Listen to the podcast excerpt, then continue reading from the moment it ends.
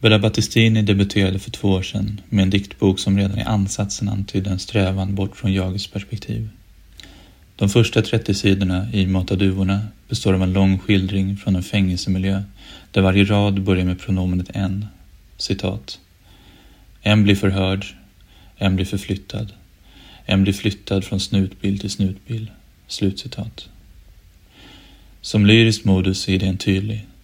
Att visa på den dömdes ansiktslöshet, hennes ifrågasatta egenvärde och låta dikten i sig spegla förhållandet genom att undvika tydliga identitetsmarkörer. Här försvinner inte bara namnet på den intagna. Även själva pronomenet slätas ut till det obestämda en. Där jaget slutligen tar plats i texten är det istället som en fjärran och ostadig röst. En betraktare som talar om abstraktioner snarare än den dömdes vardag. Viljan att studera sitt ämne utifrån en på samma gång neutral och subjektiv position präglar även Battistinis nya diktbok Stamina, vars rakryggade och melankoliska stämma tar efter debuten. Mata duvorna var slående i sin kontrastverkan. Här fanns en tydlig insida och utsida. Fängelsemurarna slöt sig kring dikten i halva boken. Därefter öppnade sig tanken mot avlägsna berg. Om vi föreställer oss ett liv, ett understundom tilltrasslat liv, präglat av våld och försoning, hade vi kunnat passa in det i dessa två syskonböckers gemensamma ram. Kvinnan, man föreställer sig henne som en kvinna, som åker in och ut på anstalt, som åldras i väntan på att livet ska börja, som har gott om tid att drömma sig bort. Man kommer att tänka på Jean Genet i fånglägret Mitreille, i ett rum där tiden står stilla och det som återstår är att se tecknen veckla ut sig i omgivningen. Citat. Min bror säger att den vill åka till havet och sen raka av allt hår. Lämna fängelsets avlagringar i havet. Sen när den kommer ut, var ska vi gå nu? Till besöksrummet. Slutcitat. Stamina rör sig på nytt i skiktet mellan fängelset och livet där utanför. I korta, spartanska rader tecknas den omhändertagnes väntan och ovisshet.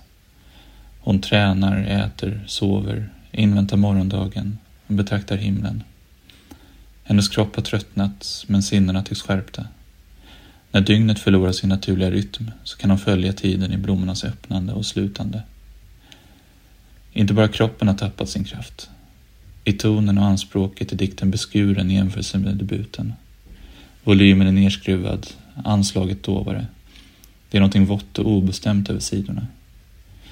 I vad som liknar en parentes eller drömvärld riktar sig orden mot ett du, en hypotetisk människa, i det förflutna eller en möjlig framtid. Citat.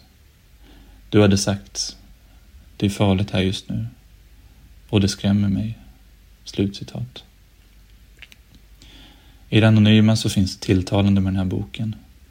Genom att överlag undvika det inledande subjektet, jag, låter Battistini diktjaget stiga åt sidan för att släppa fram sin klagan. Måste det inte vara så att befinna sig på en plats där alla äter samma mat och bär samma kläder? Genom små vridningar i språket åstadkommer Battistini glipor i stroferna så får de att förgrena sig i olika riktningar. Mångtydigheten alstrar ett speciellt slags elektricitet. Citat. Grå himmel med blå strimmor. Ljuset påminner om C. Solen spricker igenom i frukosten. Luften ser klar ut efter dagar av regn. Lägger ut korten på bordet. Presenningen slår i vinden. Drömmer att det stryper sig med en vajer. Slutcitat. Det är en teknik som får mig att tänka på pointillismen för att låna ett uttryck från bildkonsten. En samling punktlika betraktelser skjuts samman till en bild. Vid första anblick så är det en vardaglig scen som framställs. De första två raderna består av väder och ljusobservationer. Den grå himlen, solen som plötsligt visar sig, dagen som påminner om en människa, eller möjligtvis formen C. Eller dess ljud, att se. Därpå följer en enkel handling, korten som läggs fram utan förklaring, innan strofen avslutas med den våldsamma utsagan om det, som liksom C kan stå för en initial eller ett pronomen, dom. Ser man djupare så träder ett annat motiv fram. Man noterar att dagen är ny i första raden, som om jaget just vaknat upp. Men redan två rader senare, när nattdrömmen inträder, så är den över. Det som utspelar sig framför oss ett helt dygn, försvinnande i sin korthet. Vad sker under den här dagen? Någon lägger ut korten på bordet. Idiomatiskt med att avslöja sig, att tala uppriktigt. Men det lilla ut får oss istället att tänka på själva akten, att placera någonting framför sig. I strofens korthet har vi förflyttat oss till nattens dröm, som är absurd och skrämmande. Så effektivt synliggörs en tillvaro där dagens syfte är att dagen ska vara över. Raderna här ovan förs fram av en berättare som tar plats genom skärpan i sin klagan, men som i övrigt förblir dold. Rösten är anonym i relation till det egna, men särpräglad i sin syn på omgivningen. Dikten bär mask, så att säga, och i den bemärkelsen tycker jag att Battistini hittar någonting lyckat och intressant. Ibland närmar sig dikten en punkt där debutens klara stämma får ta över, där dikten lättar och liksom stiger ovanför sig själv. Men någonting skaver. Raderna klänger sig fast vid egenheter som tynger ner dem. Vad jag tänker på är att Battistini sträcker sig efter allt som kan tänkas släppa in ljus bland de mörka nyanserna. Växtlighet, frukter och blommor. Tricket är egentligen så enkelt. Fikonen ger sin fikonsmak åt leran. Dalian skänker ormen sin daliga skepnad. Lyrik uppstår. Men är det inte ett bedrägligt sätt att förvilla läsarens sinnevärld? Det är som om dikten trycker på persikoknappen för att påminna om persikor eller drar i mimosasnöret för att framkalla mimosen. Kolla, nu blomstrar det plötsligt på innergårdens asfalt. Men det som i debuten bands samman genom rytm och skarpa kontraster blir nu istället enskilt och livlöst. I Mata duvorna så kunde en strof lyda, citat. Magnolierna på trädet en bit bort, taket med de stora spruckna glasfönstren och regnet som kommer in och haglet. As hand och te som beger sig och dykarna och poliserna och kroppen som lyfts upp ur vattnet och As hand och magnolierna och te. Slutcitat. Och här, i Stamina, citat.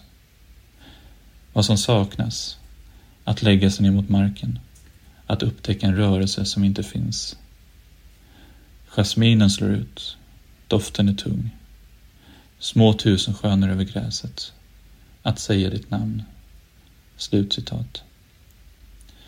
När en kropp lyfts ur vattnet och vi ser den utan att behöva några detaljer och detta och magnolierna släpps fram är det i spänningsfältet mellan kroppens tyngd, dödens faktum och de lätta blommorna som dikten blir till liv. Det är kort sagt ett möte som i sitt tempo, sitt staccato av och, och, och väcker någonting i den läsandes medvetande. Ställda mot det blommande trädet vid det förfallna huset binder växten samman två okända storheter till en tilltalande, ja, poetisk helhet. I det andra exemplet, det med jasminen, så binds ingen sån krans. Laddningen uteblir. Tusenskönorna står ensamma och tysta. Det arida, ofruktbara syns ofta i Battistinis nya diktsamling, liksom i samtidslyriken som helhet. Kompositionen tycks ofta få stryka på foten för språket som handling, den deklamerande mänskligheten och de pekande fingrarna. Här har som sagt Battistini kommit långt bara genom idén och anslaget till sitt projekt. Berättaren som sluter sig, som talar klart och tydligt utan att låta sitt ansikte bli synligt. I den tanken blomstrar stammarna. Men i själva motiven, bland apelsinerna och jasminen, nej.